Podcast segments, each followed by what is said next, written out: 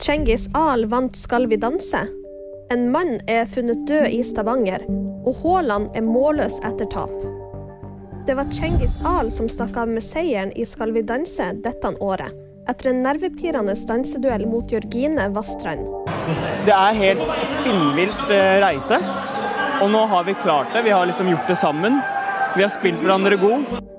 En mann er funnet død i Stavanger. Nå etterforskes det som drap. Politiet rykket ut rundt klokka 19 lørdag kveld etter en voldshendelse i Stavanger.